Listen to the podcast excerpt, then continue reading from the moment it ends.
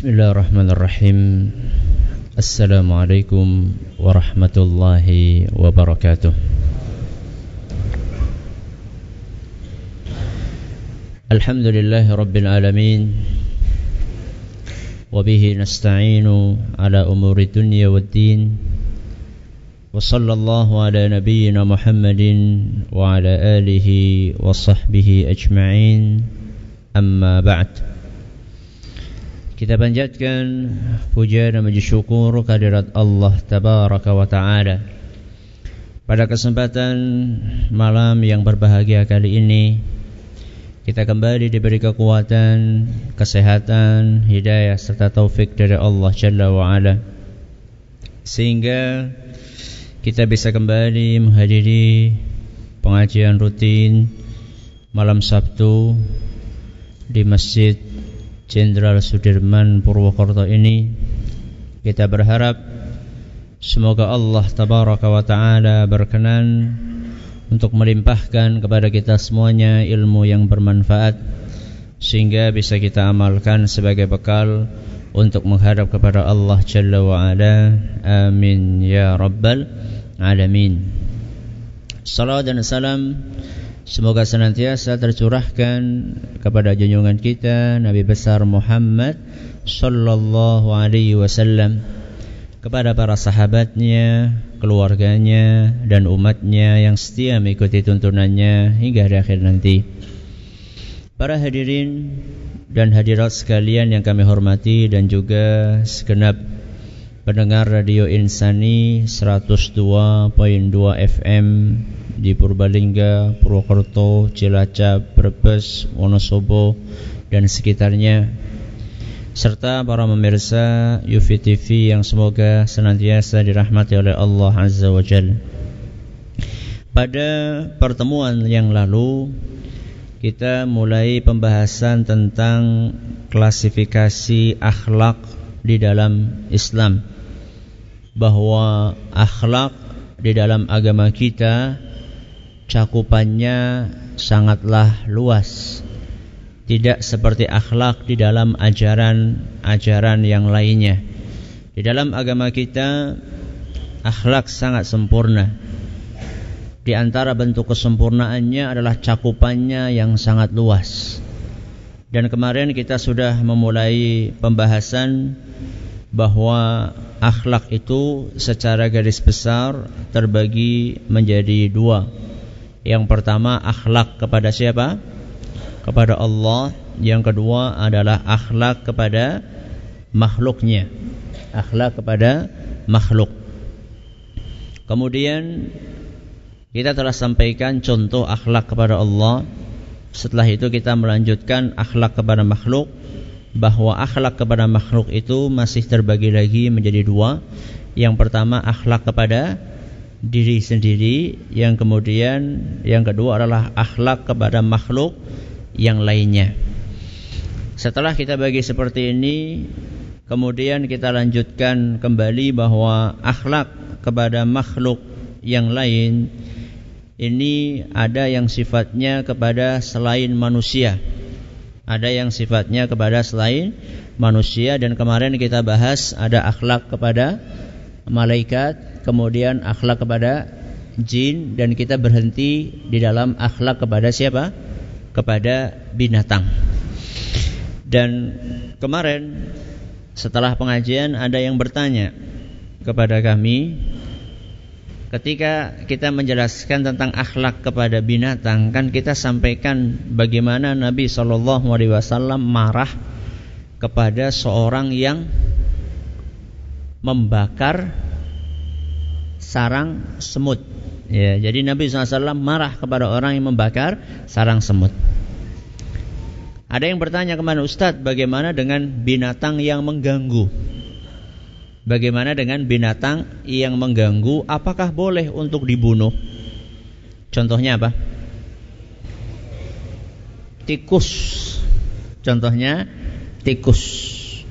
Apakah kita tidak boleh membunuh binatang? Pertama, saya perlu sampaikan bahwa kajian kita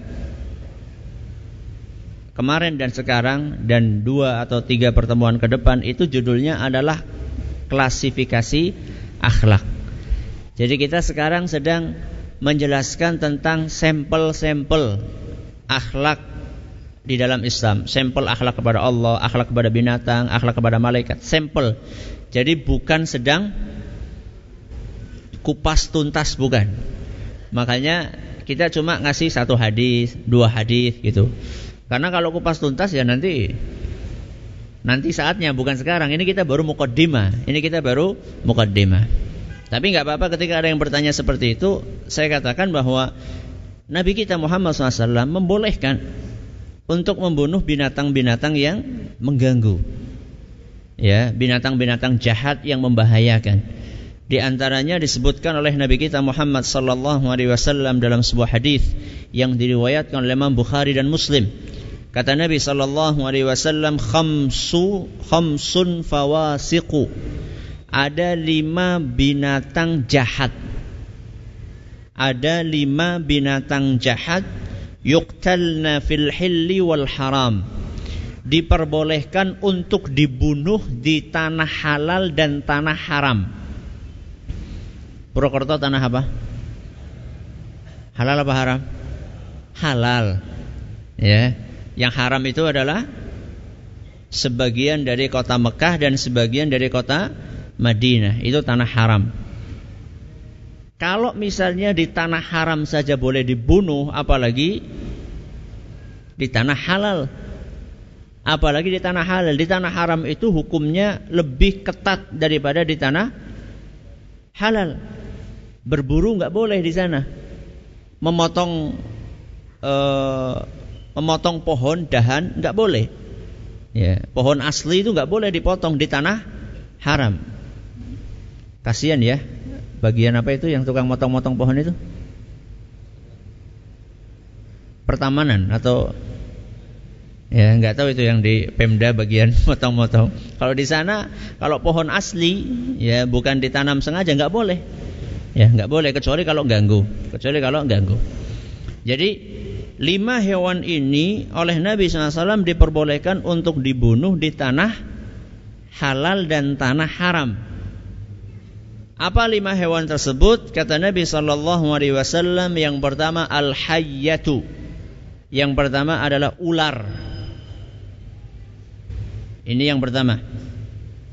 Yang kedua al-ghurabul abqa. Yang kedua adalah burung gagak. Yang perut dan punggungnya warnanya putih. Selama ini kita melihat burung gagak warnanya hitam. Ada burung gagak abqa namanya dalam bahasa Arab itu adalah yang perutnya warnanya putih dan punggungnya warnanya putih, sisanya hitam. Kata sebagian ulama karena dia lebih jahat daripada burung gagak yang lainnya. Ini yang kedua. Yang ketiga wal fa'ratu tikus. Ya. Yang ketiga adalah tikus. Makanya keliru kalau misalnya ada orang yang membiarkan tikus di rumahnya, kenapa nggak dibunuh? Itu kan makhluknya Allah. Itu kan makhluknya Allah. Terus kalau makhluknya Allah nggak boleh diapa-apain. Setan makhluknya siapa? Makhluknya Allah, dibiarin. Harus kita perangi. Ya. Makhluknya Allah itu ada yang jahat, ada yang tidak. Ini yang ketiga. Yang keempat wal kalbul akur. Yang keempat adalah anjing buas anjing buas yang suka gigit. Yang nggak mesti gila anjingnya. Nggak mesti gila. Ini yang keempat. Yang kelima wal hudayya. Al hudayya adalah burung elang yang suka makan anak ayam. Ya, burung elang. Ini lima jenis binatang yang boleh dibunuh. Dari sini para ulama menjelaskan kesimpulannya hadis ini bahwa seluruh binatang yang mengganggu dan membahayakan boleh dibunuh. Berarti selain lima ini ada yang boleh dibunuh? Ada nggak? Ada. Apa lain? Kala jengking. Ya. Jangan sampai ada yang mengatakan, udah ada di hadis kala jengking. Dibiarin aja gigit kita, yang enggak bunuh, ya enggak apa-apa. Jadi ini adalah adab yang kaitannya dengan binatang. Berikutnya adalah uh, akhlak kepada tetumbuhan, ya kepada tetumbuhan. Di dalam agama kita ada adab yang diajarkan oleh Nabi SAW untuk masalah tetumbuhan. Di antaranya adalah motivasi bagi kita untuk rajin menanam tumbuhan atau pohon. Nabi kita Muhammad sallallahu alaihi wasallam mengatakan ma min muslimin yaghrisu gharsan aw yazra'u zar'an. Muslim mana pun yang menanam pohon atau tanaman fayakulu minhu tayrun aw insanun aw bahimatun. Kemudian pohonnya ini dimakan buahnya oleh burung atau manusia atau binatang yang lainnya.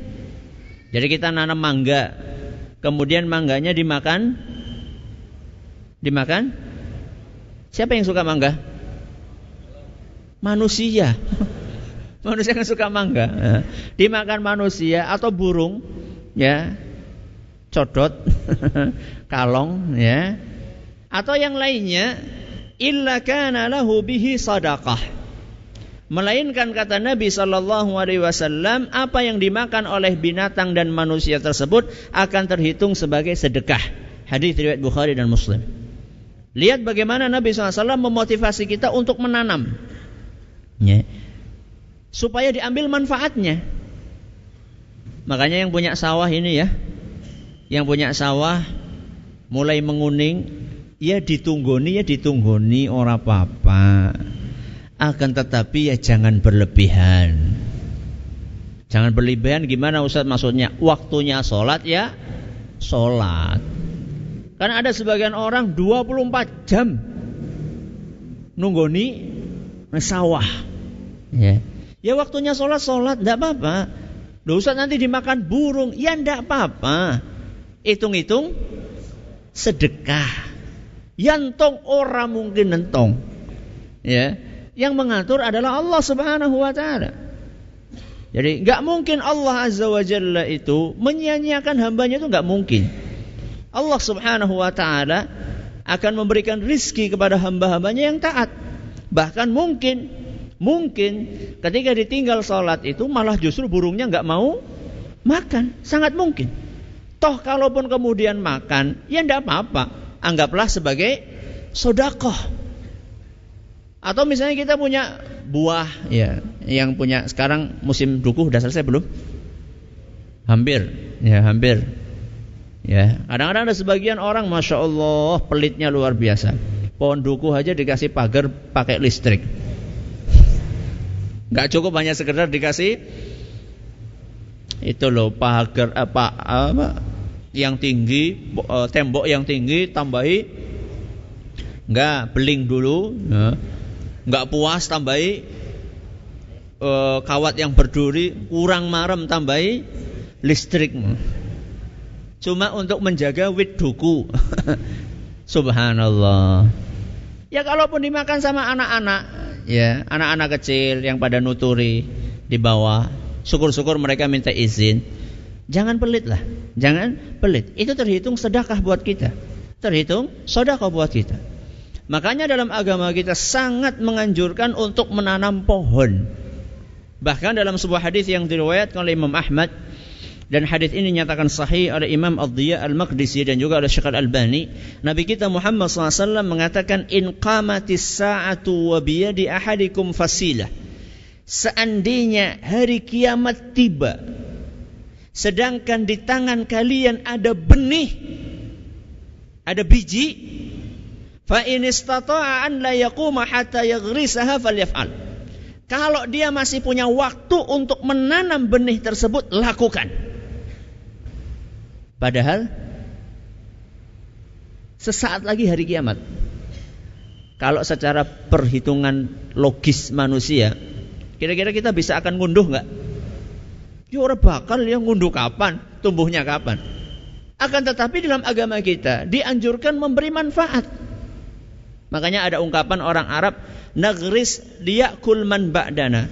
Kita nanam yang makan anak-anak kita. Ada sebagian orang kan nandur duren. Orang nandur duren, loh kesuwen nyonggoreng mangan kapan? Kita itu nanam itu nggak mesti kita yang makan. Nah sekarang kita makan dari pohon yang nanam siapa? Mbah-mbah kita. Ya paling tidak gantian. Kita sudah makan dari buah tanaman yang ditanam oleh mbah kita. Sekarang kita menanam pohon untuk anak dan cucu kita. Ini etika dengan uh, tetumbuhan. Berikutnya adalah etika terhadap air. Etika terhadap air. Ada Ustaz? Oh ada. Etika terhadap air ada. Di antara etika yang diajarkan dalam agama kita terhadap air adalah larangan untuk boros menggunakan air. Larangan untuk boros di dalam menggunakan air.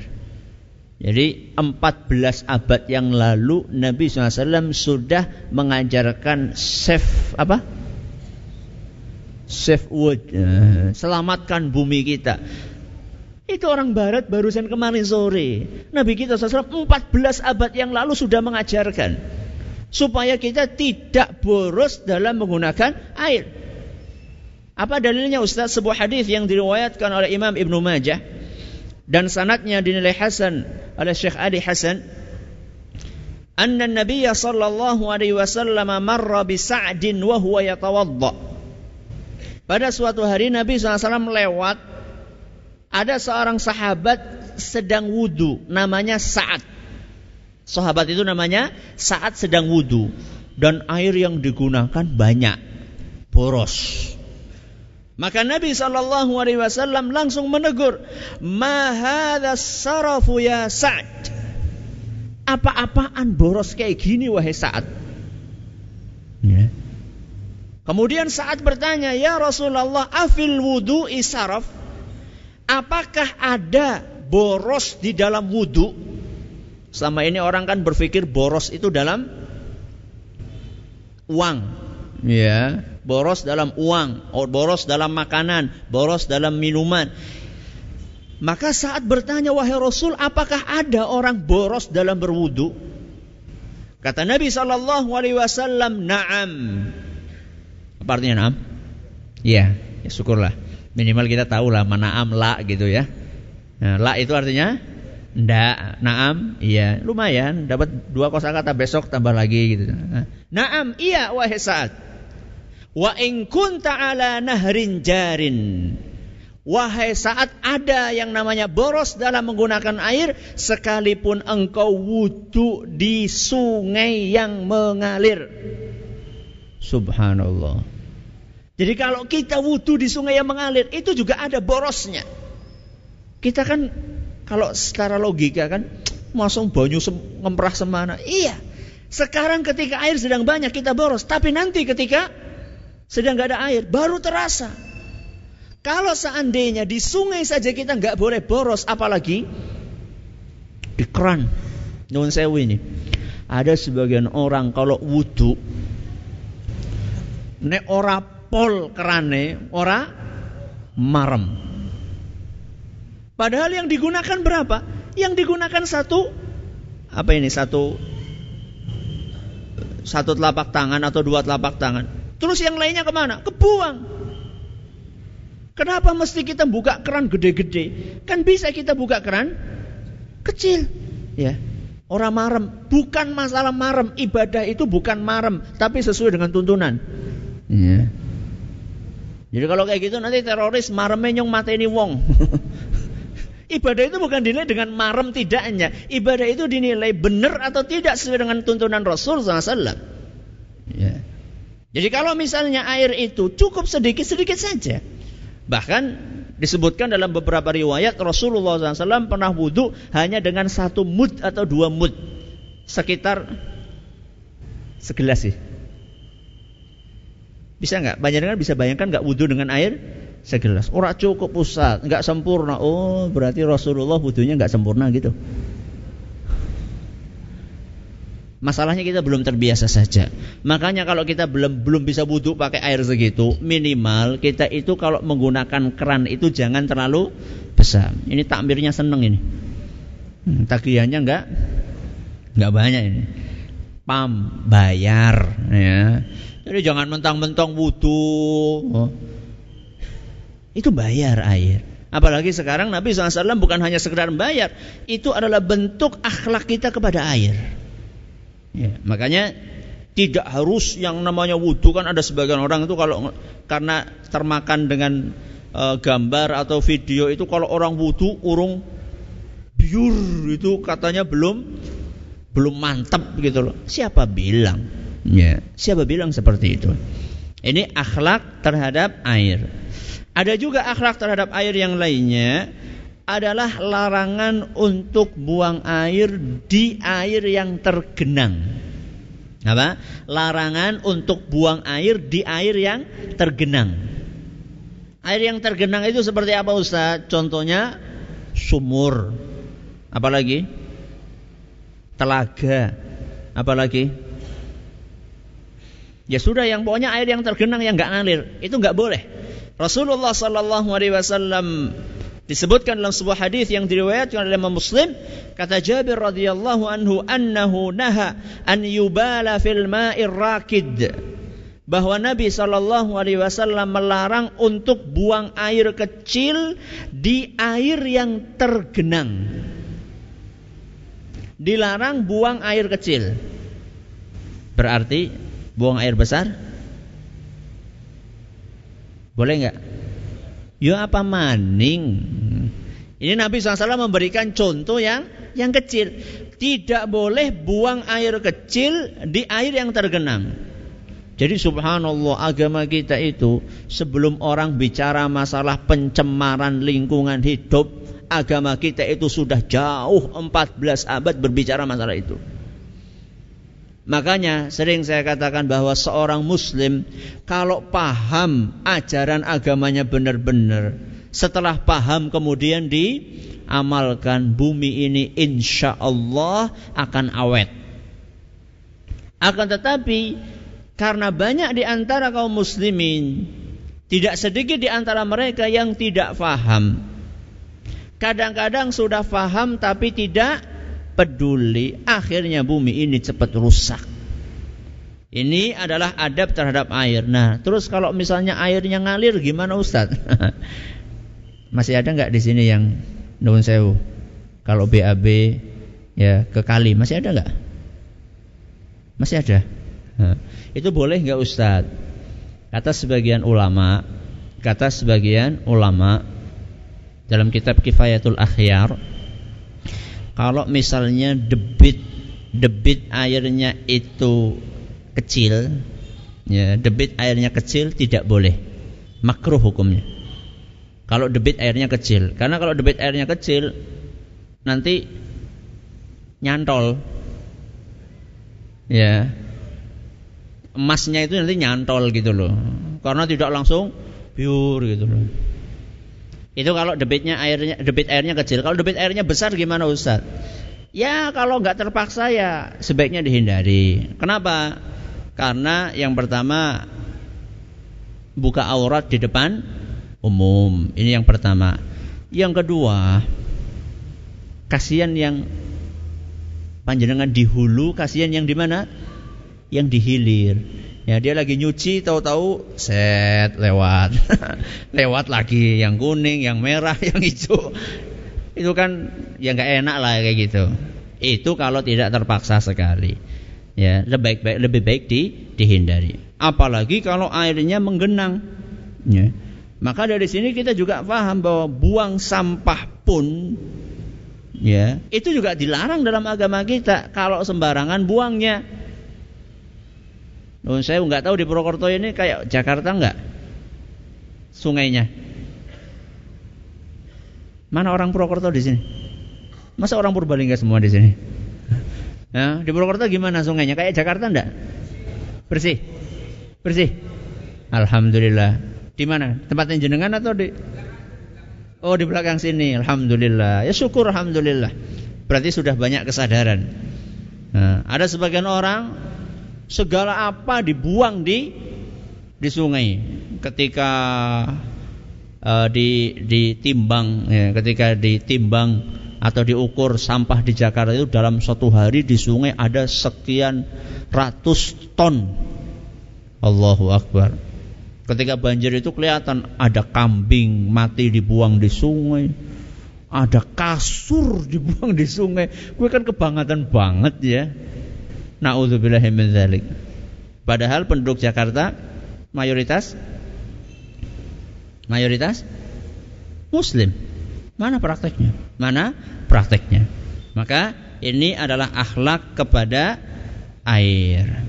Selesai kita dan masih ada uh, uh, masih ada yang lain-lainnya ya. Masih ada yang lain-lainnya yang tidak mungkin kita bahas semuanya makanya saya kasih contoh dan lain-lain, saya kasih tulisan dan lain-lain. Jadi ini belum semuanya, masih ada akhlak yang lain yang bisa kita gali akhlak kepada udara, ya, akhlak kepada udara, kemudian akhlak kepada ya yang lain-lainnya banyak kita bahas uh, ada pembahasannya dalam kitab-kitab para ulama. Ini sekedar contoh saja. Kita sekarang melanjutkan makhluk yang lain yang kedua yaitu manusia. Akhlak kepada manusia. Dan tentunya manusia ini mendapatkan porsi perhatian yang sangat besar di dalam agama kita karena merekalah makhluk-makhluk di antara makhluk-makhluk yang mendapatkan beban untuk mengamalkan syariat alias makhluk yang mukallaf. Manusia ini pembahasannya luas dan macam-macam di antaranya yang pertama kali akhlak harus diperhatikanlah akhlak kepada nabi kita Muhammad sallallahu alaihi wa ala alihi wa wasallam.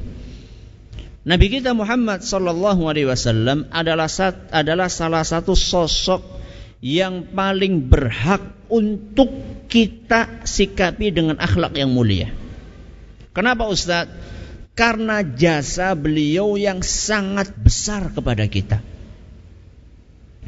Tidak mungkin kita mengenal Islam kalau tidak berkat Pertama hidayah dari Allah, kemudian jasa dari Nabi kita Muhammad sallallahu alaihi wasallam. Gak mungkin kita kenal Islam kalau bukan karena petunjuk dari Allah kemudian bantuan dari Nabi kita Muhammad sallallahu alaihi wasallam. Makanya sebagian ulama mengatakan bahwa jasanya Rasul SAW kepada kita lebih besar dibandingkan jasanya orang tua kita sendiri kepada kita. Kenapa Ustaz? Karena Nabi kita Shallallahu Alaihi Wasallam mengantarkan kita kepada keselamatan di dunia dan di akhirat. Ya, kita jadi tahu jalan menuju ke surga yang mengajarkanlah Rasul Shallallahu Alaihi Wasallam.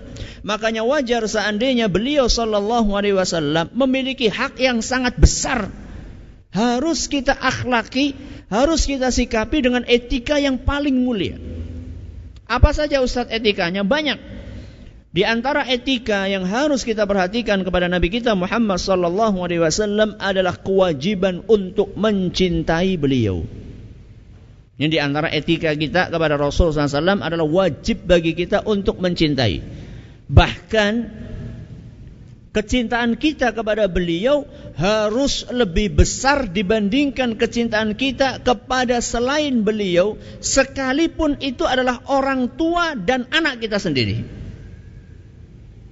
Rasulullah wasallam dalam sebuah hadis yang diriwayatkan oleh Imam Bukhari dan Muslim, beliau sallallahu alaihi wasallam mengatakan la yu'minu ahadukum.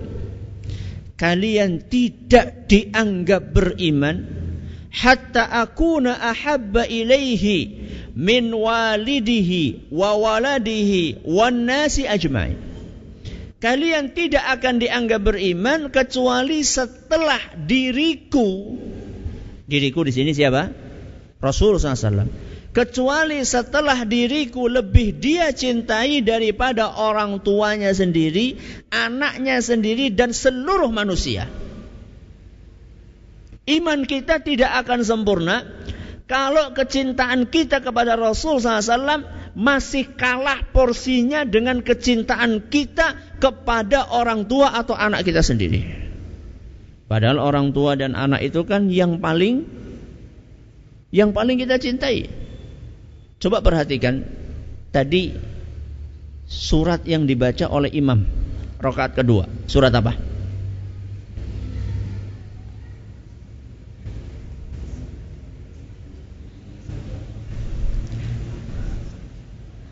Abasa. Alhamdulillah. Surat Abasa. Bunyinya? Fa'idha ja'atis sohah Ingatlah ketika hari kiamat telah datang. Yauma yafirrul mar'u min akhih. Pada hari itu seorang hamba akan meninggalkan saudaranya. Wa ummihi wa abihi. Ibunya dan bapaknya. Wa sahibatihi wa banih. Istrinya dan anaknya. Lihat. Nabi mengurutkan dari yang paling disayang atau dari yang tingkat kecintaannya di bawah yang lainnya. Kalau kita lihat, yang pertama disebutkan saudara, kemudian ibu, bapak, istri, anak. Yang paling dicintai yang mana? Dari atas ke bawah atau dari bawah ke atas? Dari bawah ke atas. Jadi Nabi SAW sebutkan saudara. Saudara ini ya bisa kita tinggalkan. Setelah itu ternyata kita tinggalkan ibu. Waduh, ibu berat. Gak cukup bapak. Setelah itu istri. Setelah itu anak. Ya. Sampai anak pun pada hari kiamat anak kita tinggalkan. Padahal dia adalah orang yang paling kita cintai. Nah kalau kecintaan kita kepada anak mengalahkan kecintaan kita kepada Nabi SAW, iman kita belum sempurna. Ustaz, insya Allah cinta saya kepada Rasul lebih besar dibandingkan cinta saya kepada orang tua kepada anak. Ya, itu kan klaim. Harus ada apanya? Buktinya. Ustaz, kecintaan saya kepada Rasul lebih besar daripada kecintaan saya kepada toko saya Ustaz. Oh, Masya Allah, Alhamdulillah. Buktikan. Gimana Ustaz buktinya? Kalau dari pagi sampai menjelang zuhur toko jenengan tidak ada yang beli. Ketika azan datang 10 orang mau beli. Buktikan kecintaan Anda kepada Nabi SAW. Gimana Ustaz membuktikannya? Nah, membuktikannya diajak sholat itu 10 orang. Ustadz kan sebentar Ustadz. Nah itu, itu di situ pembuktiannya. Justru di situlah pembuktiannya. Kecintaan kita kepada Rasul SAW, kepada dunia lebih besar mana? Di situ pembuktiannya. Ketika ada gesekan kepentingan, mana yang kita dahulukan? Di situ pembuktiannya. Kalau tidak ada gesekan, semuanya bisa mengklaim bahwasanya dia cinta sama Rasul SAW. Artinya cinta kepada Rasul sallallahu alaihi wasallam itu bukan sekedar klaim yang diucapkan dengan lisan, akan tetapi harus kita buktikan. Bagaimana membuktikannya Ustaz? Dengan hati, dengan lisan, dengan anggota tubuh kita. Dengan hati bagaimana Ustaz? Dengan mengagungkan Nabi kita Muhammad SAW. Menghormati Nabi kita Muhammad SAW. Meyakini bahwa beliau adalah utusan Allah Azza wa Jalla meyakini jasa beliau yang sangat besar kepada kita. Itu dengan hati. Dengan lisan bagaimana Ustaz buktinya? Dengan lisan di antara di antara buktinya kalau kita mencintai Rasul SAW adalah sering-sering membaca salawat kepada beliau. Semakin kita banyak membaca salawat maka itu semakin pertanda bahwa kita cinta kepada Rasul SAW. Terutama ketika kita mendengar nama beliau disebut. Dari tadi kan saya menyebutkan nama Rasul SAW. Gak tahu panjenengan baca salawat enggak? Ustaz kan gak perlu keras-keras. Iya, enggak apa-apa. Yang penting baca. Baca kan? Baca? Oh enggak. ya enggak harus. Sallu alaih. Enggak harus gitu. Ya. Yang penting kita lisannya itu menggerakkan. Sallallahu alaihi wasallam. Allahumma salli wa sallim alaihi. Ya. Itu bukti, itu bukti kalau kita cinta sama Rasul. Dengar namanya Rasul, sebutkan salawat kepada beliau sallallahu alaihi wasallam. Termasuk ketika kita nulis, katanya cinta Rasul. Ketika nulis gak mau nulis sallallahu alaihi wasallam, pelit. Takut pulpennya habis. Sau. SAW. Katanya cinta Rasul Sallallahu Alaihi Wasallam. Baca solawat, nulis solawat saja takut pulpennya kering atau takut printernya Sat tintanya. Buktikan bahwa kita cinta sama Rasul SAW. Buktikan dengan tulisan, dengan ucapan. Solawat yang lengkap. Ya. Orang tidak tahu kan bacanya kan mari kita panjatkan solawat kepada Nabi kita Muhammad SAW. Kita memanjatkan puji kepada Allah SWT. Ya. Jangan pelit-pelit lah. Itu yang mengawali seperti itulah orang-orang orientalis. Ya, yang mengawali singkatan-singkatan seperti itulah orang-orang orientalis. Orang-orang yang berusaha merusak Islam. Ya, orang-orang barat yang mempelajari Islam untuk merusak Islam dari dari dalam. Itu yang yang mengawali seperti itu. Kita umat Islam jangan mengekor, nah, jangan mengekor kebiasaannya orang-orang yang tidak suka kepada ajaran agama kita. Ini dengan lisan. Jadi pembuktian cinta itu dengan hati, kemudian dengan lisan, kemudian dengan anggota tubuh. Gimana Ustadz? Di dalam beribadah kita teladanilah Nabi kita Muhammad sallallahu alaihi wasallam. Sering kita itu mendengar firman Allah Subhanahu wa taala dalam surat Al-Ahzab ayat 21, "Laqad kana lakum fi Rasulillahi uswatun hasanah." telah ada di dalam diri Nabi kita Muhammad SAW suri teladan yang baik.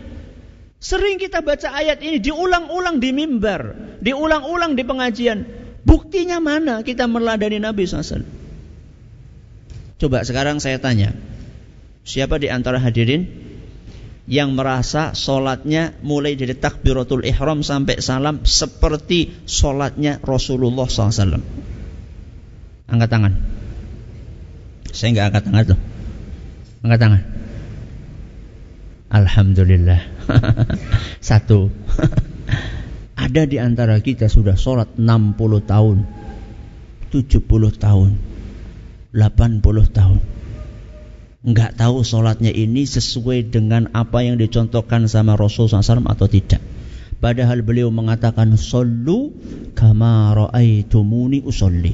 Salatlah kalian sebagaimana kalian melihat aku salat Apakah salat kita sudah seperti apa yang dicontohkan oleh Nabi SAW Mana ayat laqad kana lakum fi rasulillahi uswatun hasanah jadi meneladani Nabi SAW konsekuensi dari ungkapan kita Raditu billahi Rabba Terus Wabil islami dina wa bi Muhammadin nabiyya. Itu konsekuensinya. Raditu billahi rabba. Aku ridho Allah sebagai Rabb, sebagai Tuhan. Wa bil islami dina. Aku ridho Islam sebagai agama. Wa bi Muhammadin nabiyya. Aku ridho Nabi Muhammad sebagai nabiku. Buktinya mana? Buktinya kita meladani Nabi. Kalau kita ridho Nabi kita SAW sebagai Nabi, maka contohnya beliau di dalam beribadah. Loh kalau kita dalam beribadah kita nggak nyontoh Nabi, terus apa fungsinya Nabi diutus ke muka bumi? Apa gunanya Nabi kita SAW diutus ke muka bumi kalau kita beribadah, di dalam beribadah caranya semaunya sendiri. Sekarpe dewek, semau gue.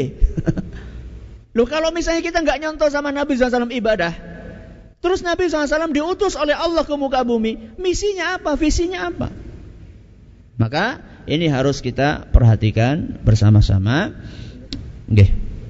Ini yang kaitannya dengan masalah makhluk yang lain manusia Rasulullah SAW Kita akan lanjutkan insya Allah pada pertemuan yang akan datang Tidak usah, cukup insya Allah Insya Allah nanti kita akan lanjutkan uh, akhlak kepada uh, Rasulullah Kemudian selanjutnya adalah akhlak kepada keluarga Besok insya Allah dan keluarga ini ada orang tua ada suami, ada anak dan seterusnya. Semoga bermanfaat. Terima kasih atas perhatiannya. Mohon maaf atas segala kurangannya. Kita tutup dengan membaca Subhanakallahumma wa bihamdika asyhadu an la ilaha illa anta astaghfiruka wa atubu ilaik. Wassalamualaikum warahmatullahi wabarakatuh.